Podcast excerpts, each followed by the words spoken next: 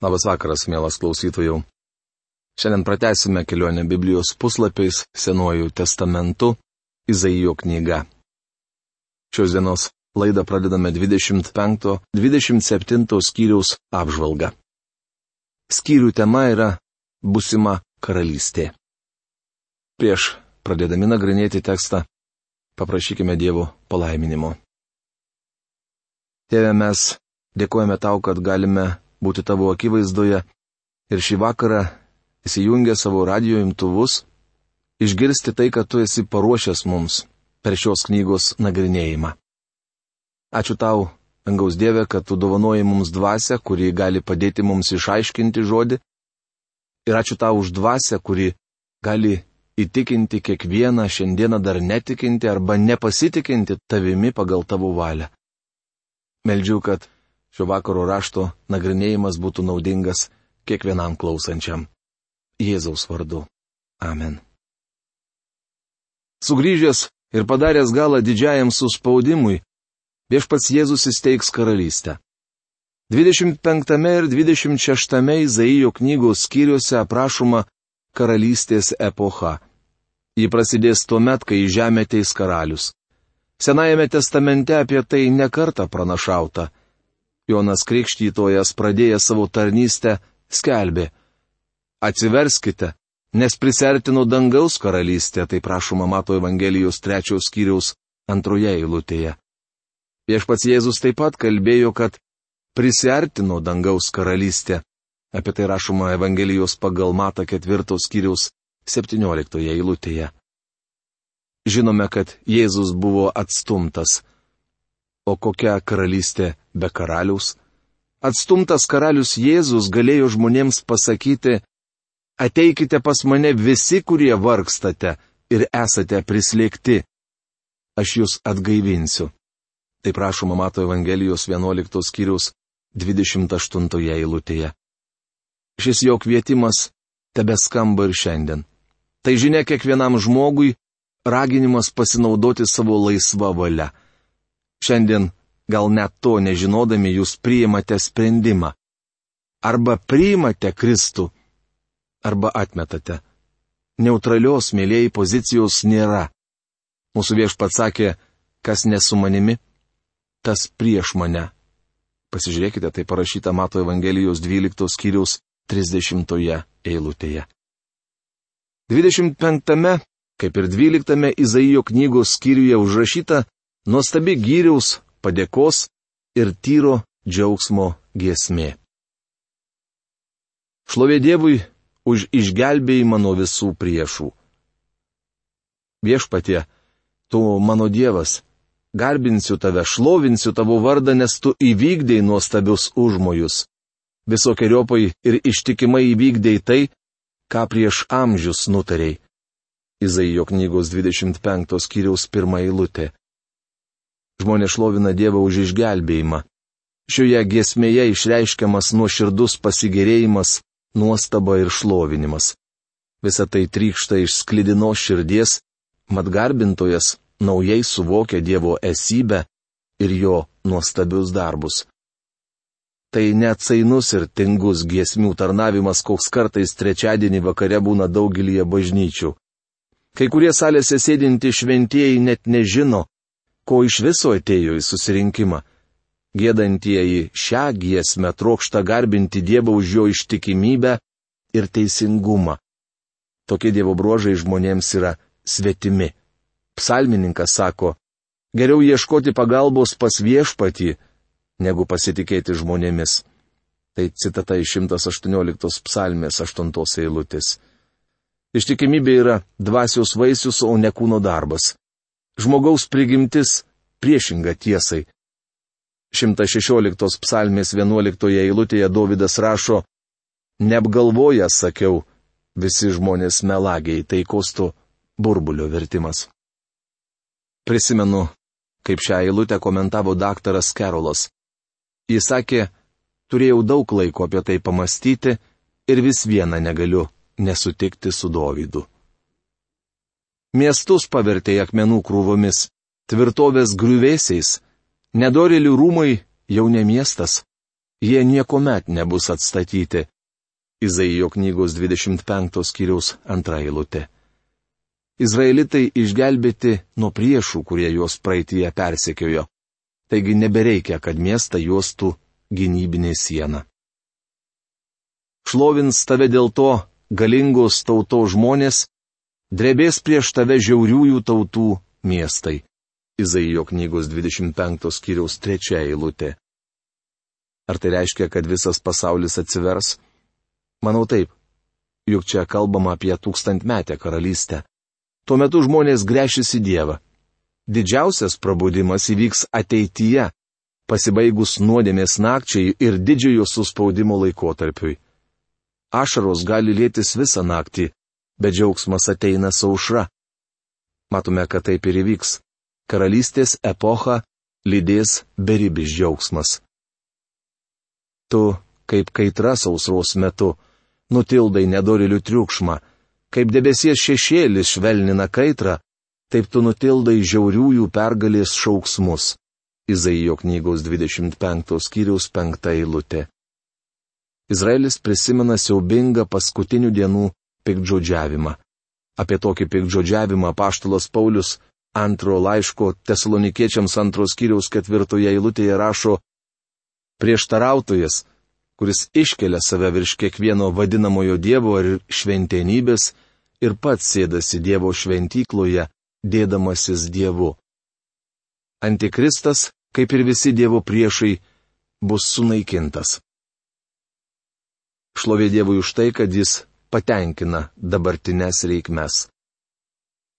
Galybių viešpat surenk šiame kalne visoms tautoms puotas su skaniausiais valgiais, puota su parinktais vynais, pokylis su sultingais gardžiais patiekalais ir grinais rinktiniais vynais. Izaijo knygos 25 skyriaus 6 eilutė. Profesorius Algirdas Jurienas šią Biblijos eilutę verčia taip. Kariuomenių viešpats paruoš visoms tautoms šitame kalne riebumynų pokylį. Pokylį su senais vynais, su riebiais, smegenimis pagardintais valgiais su senais, nuskaidrintais vynais. Riebumynai be abejo siejami su fiziniu poreikiu patenkinimu. Atpirkta žemė duos gausų derlių. Tuo metu žmonės galės drąsiai valgyti riebų maistą ir nesibaiminti, kad priauks ant svorio. Riebumynai simbolizuoja ir nuostabų dvasinį pokylį. Manau, tūkstantmetėje karalystėje bus organizuojamos Biblijos studijos. Nežinau, gal viešpats ir man leis jas vesti. Jis visiems laikams sunaikins mirtį. Viešpats Dievas nušuostis ašaras nuo visų veidų. Savo tautos gėdą jis pašalins visur žemėje. Tikrai tai įvyks, nes taip kalbėjo viešpats. Izaijo knygos 25 skyriaus 8 eilutė. Apaštalas Paulius šiuos pranašo Izaijo žodžius cituoja pirmame laiške korintiečiams 15 skyriuje 54 eilutėje. Kada šis gendantis kūnas apsivilks negendamybę ir šis marus kūnas apsivilks nemarybę, tuomet įsipildys užrašytas žodis - pergalė sunaikino mirtį. Dievo šlovinimas belaukiant busimų džiaugsmų. Ta diena bus sakoma, Štai mūsų Dievas. Juo mes pasitikėjome ir Jis mus išgelbėjo. Štai viešpats, juo mes pasitikėjome. Džiūgaukime ir linksminkimės, kad Jis mus išganė. Izaijo knygos 25 skyriaus 9 eilutė. Gesmės pabaigoje mūsų dėmesys kreipiamas į Dievo asmenį. Žmonės negali be jo gyventi. Antikristas suvedžios pasaulį, bet tuomet ateis tikrasis Kristus tikrasis mesijas, tikrasis žemės valdovas. Ta diena jo išgelbėjimas bus gyvybiškai svarbus kiekvienam žmogui. Jie sakys, džiūgaukime ir linksminkime, kad jis mus išganė. Toliau skaitome keistą eilutę. Viešpaties ranka ilsėsis ant šio kalno, bet Muabas bus vietoje sumintas, kaip šiaudai liūna. Izaijo knygos 25 skyriaus 10 eilutė. Kodėl čia paminėtas Moabas? Prisipažinsiu, jog man sunku atsakyti į šį klausimą. kai Moabas išaukštintas, Dievas žeminamas. Kai Dievas aukštinamas, Moabas pažemintas. Tūkstantmetėje karalystėje Moabas bus pamintas, o Dievas išaukštintas. Kaip prisimenate, Moabas simbolizuoja tuos, kurie apsimeta maldingi, bet yra atsižadėję maldingumo jėgos. Tvirtovę su aukštais mūrais jis nugriaus, sulygins su žeme ir pavers dulkėmis. Izaijo knygos 25 skyriaus 12 eilutė. Bus pamintas bet koks žmogaus išdidumas. Tai laikotarpis, kuomet romieji paveldės žemę, kaip rašoma Mato Evangelijos 5 skyriaus 5 eilutėje. Šiandien pasaulis nėra labai palankus romiesiems. 26 skyriuje tesiama karalystės tema. Karalystė. Ta diena judo šalyje bus gėdama giesmė, tvirtas mūsų miestas. Mūsų apsaugai pastatė į smūrus ir pylimą. Izaijo knygos 26 skyriaus pirmą eilutę. Tai jų viltis. Ta diena jude bus gėdama ši giesmė. Bičiuli, šiandien izraelitai negėda šios giesmės. Akivaizdu, kad dabartinis jų sugrįžimas į Izraelį nėra pranašystės išsipildymas. Ilgiuosi tavęs naktimis, net rytą mano dvasia dėl tavęs būdi kai žemėje vyksta tavo teismai, pasaulio gyventojai pažįsta teisumą. Izaijo knygos 26 skyrius 9 eilutė. Ilgiuosi tavęs naktimis. O kaip mes? Ar jaučiame didelį poreikį bendrauti su Kristumi? Gesmių gesmės knygoje pirmame skyriuje antroje eilutėje užrašyti tokie nuotakos žodžiai tegul jis mane bučiuoja savo burnos pabučiavimais, verčia profesorius Algirdas Jurienas. Pabučiavimas buvo atleidimo, taikos ir karštos meilės ženklas. Suvokusi, kad negali pakelti iki siekiamų aukštumų, nuotaka sako, trauk mane paskui save. Gesmių gesmės knygos pirmos kiriaus ketvirta eilutė. Pranašas Izaijas sakydamas, ilgiuosi tavęs naktimis, išreiškia tą pačią mintį. Bičiuli, norėčiau paklausti, ar mes mylime Dievą. Šiandien daug kalbama apie pseudo meilę ir diletantiškai samprotaujama apie dvasingumą. Matau, kaip žmonės apsimeta pamaldžiais ir girdžiu juos kartojant skambius žodžius. Man jau įgryso patosiški tvirtinimai, aš myliu viešpatį ir noriu jam tarnauti.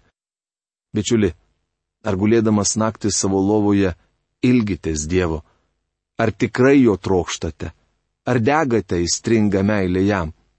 Ar galite pasakyti, trauk mane ir aš bėgsiu paskui tave? Tūkstantmetės karalystės metu žmonės sakys, ilgiuosi tavęs naktimis, net rytą mano dvasia dėl tavęs būdi. Prisipažįstu, jog dažnai bėgu nuo Dievo. Dažnai pastebiu, kad jau užbėgau jam už akių ir nevykdau jo valios, todėl užgriūva sunkumai. Nusivylęs sakau, ak, aš palikau jį, nutolau nuo jo. Netrodo, kad daugelis šauktųsi Dievo. Nenoriu ko nors kritikuoti, tačiau nematau, kad žmonės tai darytų. Kai sutinku trokštančią sielą, mano širdis būna didžiai palaiminta. Viešpatė, savo nelaimėje jie ieškojo tavęs ir šaukė iš skausmo, kai buvo baudžiami. Izaijo knygos 26 skyriaus 16 eilutė. Praeitie likutis melzdamasis grežėsi į Dievą, dabar jie prisimena tas sunkes dienas. Kaip nešia moteris artėjant gimdymui, iš skausmo raitos ir šaukia, tokie ir mes viešpatė buvome prieš tave. Izaijo knygos 26 skyriaus 17 eilutė. Didžiojo suspaudimo metu Izraelio tauta raitis ir šaukė iš skausmo, lik gimdanti moteris. Tokios sunkios buvo jos kančios. Pranašas kalba apie būsimą laikotarpį, kaip apie praėjusį. Mes buvome nešti ir raitėmis skausmuose, tačiau pagimdėme vėją, o išgelbėjimo žemėje net nešėme. Ne vienas negimsta gyventi pasaulyje Izaijo knygos 26 skyriaus 18 eilutė. Žodžiai pagimdėme vėją reiškia, kad kančius nedavė jokių vaisių. Šis laikotarpis nepakeitė nedorelių širdžių. Jie ir toliau pikžodžiavo dangaus Dievui. Kančios, ištinkančios mus lyg gimdymo skausmai atneš kažką vertingo arba bus tik vėjas. Bijau, kad daugelis iš mūsų kenčiame veltui, nesuvokdami, jog viskas vyksta Dievo šloviai. Prisiminkite, kad Izaijas kalba apie būsimą tūkstantmetę karalystę. Jei teiktumėte Dievui pirmenybę, jau šiandien gyventume panašioje aplinkoje.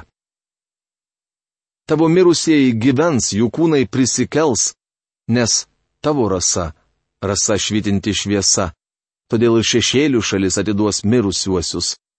Pabuskite ir šaukite iš džiaugsmo, visi, kurie gulite dulkėse. Izaijo knygos 26 skyriaus 19 eilutė. 27 skyriuje baigiama giesmė apie būsimą karalystę. Jos pradžia, kaip jau minėjome, yra 25 šios knygos skyrius. Giesmė apie vynogyną. Ta diena viešpats savo kietų, galingų ir aštrių kalavijų nubaus Levetaną. Ta pirmikštį slibina, Levetaną tas suktą slibina. Jis sunaikins slibina jūroje. Izaijo knygos 27 skyriaus pirmą eilutę. Žodžiai tą dieną mūsų akimirksnių perkelį į ateitį. Kaip minėjome, taip apibūdinama viešpaties diena. Jie kaip ir kiekviena hebrajų diena prasideda vakaru tai yra didžiuoju suspaudimu, ir tęsiasi tūkstantmetėje karalystėje.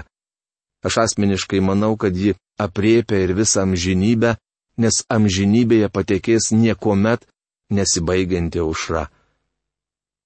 Viešpat savo kietų galingų ir aštrių kalavijų. Viešpaties kalavijas yra Dievo žodis. Apreiškimo knygos pirmos kiriaus šešioliktoje eilutėje, kur aprašomas viešpatės Jėzaus ateimas, pasakyta. Dešinėje rankoje jis laikė septynias žvaigždės, iš jo burnos ėjo aštrus dviešmenis kalavijas, o jo veidas buvo tarytum saulė, žibanti visų skaistumu. Šiuo kalaviju jis skirs tautoms. Amilenialistai neigiantys, jog žemėje iš tiesų bus tūkstantmetė karalystė paklaus. Jūs tikite pažodiniu Biblijos aiškinimu. Ar čia kalbama apie kalaviją tiesioginė prasme? Aš atkreipiau dėmesį, kad liežuvis iš tiesų yra labai aštrus. Laiško hebrajams ketvirtos kiriaus dvyliktoje eilutėje mums sakoma, Dievo žodis yra gyvas, veiksmingas, aštresnis už bet kokį dviešmenį kalaviją. Kiek suprantu, čia turimas omenyje Dievo žodis. Jam pakanka savo žodžio ir nereikia jokių kitų priemonių. Savo žodžiu jis visą sukūrė, juo ir teis. Tikriausiai kyla klausimas, ką viešpats teis. Levetana, tą pirmykštį slibina. Levetana tą suktą slibina. Ta diena tai yra tūkstantmetės karalystės pradžioje viešpats Jėzus nubaus slibina Levetaną, kitaip tariant, šietoną. Apreiškimo knygos 20 skyriaus pirmoje, trečioje eilutėse mums sakoma, kad šetonas bus užrakintas bedugnėje tūkstantį metų. Apreiškimo knygos 12 skyriaus 9 eilutėje skaitome, tai buvo išmestas didysis libinas senoji gyvatė, vadinamas velniu ir šėtonu, kuris suvedžiodavo visą pasaulį. Jis buvo išmestas žemyn ir kartu su juo buvo išmesti jo angelai. Jobo knygos 41 skyriaus 15 eilutėje apie jį pasakyta, jis didžiuojasi savo žvynais. Kosto burbulio vertimas žvina yra šietono apsauga. Jis galvoja esas nesužeidžiamas ir to didžiuojasi. Kiek suprantu, jis ir šiandien nesuvokia, jog bus nuteistas. Tikriausiai mano, jog jo nepasieks visagalio Dievo ranka. Panašiai šiandien galvoja ir daugelis žmonių. Kalbos apie teismą jiems kelia juoką. Bičiuli, tokios pat nuostatos laikosi ir šietonas. Deličio nuomonė pirmykštis libinas arba kaip verčia profesorius Algirdas Jurienas greitai išliaužianti gyvatė simbolizuoja Tigro upę, o kartu yra sirų tauta. Suktas libinas simbolizuoja vingiuotą Eufrato upę ir prie jos įsikūrusius babiloniečius. Slibinas jūroje simbolizuoja Nilo upę ir egiptiečius. tai neprieštarauja nuostatai, kad Leviatanas reiškia šietoną. Toks aiškinimas tik papildo šią mintį, nes visos minėtos karalystės rėmėsi šietono galybę. Ta diena gėdokite giesmę apie šaunų vynogyną. Izaijo knygos 27 skyriaus antra eilutė. Mano įsitikinimu 27 Izaijo knygos skyrius turėtų prasidėti antrą eilutę, o pirmą eilutę priklauso 26 skyriui. Tačiau tai techninis klausimas, kurio aš neketinu labai sureikšminti, tik noriu pasakyti, kad šioje vietoje keičiasi tema. Ta diena gėdokite giesmę. Tūkstantmetėje karalystėje galėsime gėdoti visi. Net aš. Anot profesoriaus Algirdo Jurieno, žodžių junginį šaunų vynogyną galima versti vyno vynogyną. Vyno vynogynas simbolizuoja perteklių, vaisingumą, pilnatvę ir džiaugsmą. Palyginkite šią eilutę su tuo, kas rašoma penktame Izaijo knygos skyriuje.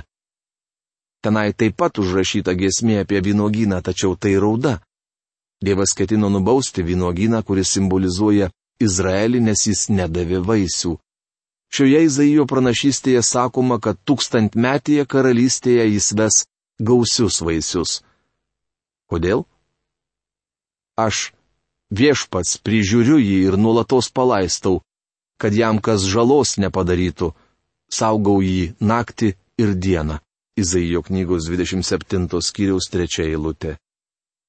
Viešpats kaip ūkininkas daugiau niekada neperleis vynogino kitiems. Jis nuolat jį prižiūrės. Stebės į dieną naktį, kad neįsibrautų joks priešas. Tai turėtų priversti susimastyti tuos, kurie mano, jog Dievas apleido Izraelį. Šventajame rašte aiškiai duodama suprasti, jog taip nėra. O jei užuovijos jis pas mane ieškos, te sudaro taiką su manimi. Izaijo knygos 27 skyriaus 5 eilutė.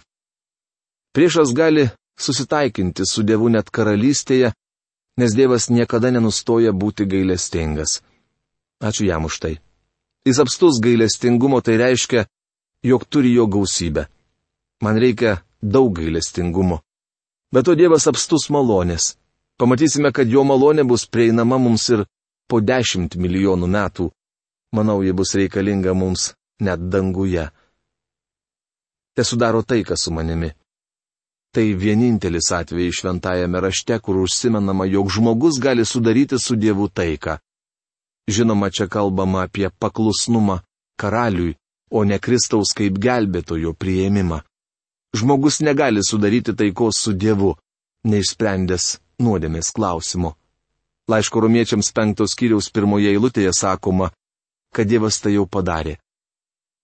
Taigi, būdami išteisinti tikėjimo pagrindu, turime taiką su Dievu per mūsų viešpati Jėzų Kristų. Verčia profesorius Algirdas Jurienas. Jei jūs sutinkate su Dievu ir tikite tuo, ką jis padarė per Kristų ant kryžiaus, turėsite ramybę. Bet kokiu kitų atveju ramybės neturėsite. Šioje eilutėje kalbama ne apie mūsų laikus, bet apie tūkstantmetę karalystę. Mielas klausytojau, jau ne vieną kartą esu klausęs tavęs. Dievas susitaikė su tavimi. Bet ar tu šiandien esi susitaikęs su Dievu? Dievas iš savo pusės padarė viską tobulai. Atsiuntė sūnų, kuris paliko dangų, tapo vienu iš mūsų, pasmerkė nuodėmę. Sugryžo atgal į dangų, kaip karalius ir gelbėtojas nugalėjęs mirtį. Ar patikėjai juo? Ar sustojai savo gyvenime? Susimastei, kur tu eini, kas tu toks esi, kam tu priklausai? Ar nusigrėžiai nuo savo nuodėmių ir nusižengimų išpažindamas jam, kad esi kaltas jo akise. Jeigu tu tai padarai, tu esi išlaisvintas, nes Kristaus ir Dievo dvasia apsigyveno tavyje. Jeigu tu to dar nepadarai, tol kol esi gyvas, gali apsispręsti. Tai tavo laisva valia. Pasirink. Ar keliauti kartu su Dievu, nagrinėjant šią knygą ir prašant jo pagalbos, kad mes turėtume jėgų įvykdyti tai, ko negalėtume padaryti patys. Mėlyi, tai nuostabi žinia kiekvienam iš mūsų. Nepraplaukime pro šalį. Nebūkime abejingi savo gyvenimui. Nevadinkime to likimu, nes taip nėra. Tai yra jūsų pasirinkimas. Dėkojame Jums už Jūsų nuoširdžius laiškus. Ir jeigu turite kokį nors klausimą, ar nežinote atsakymo, mes visą laiką pasirengę Jums padėti. Iki greito sustikimo. Sudė.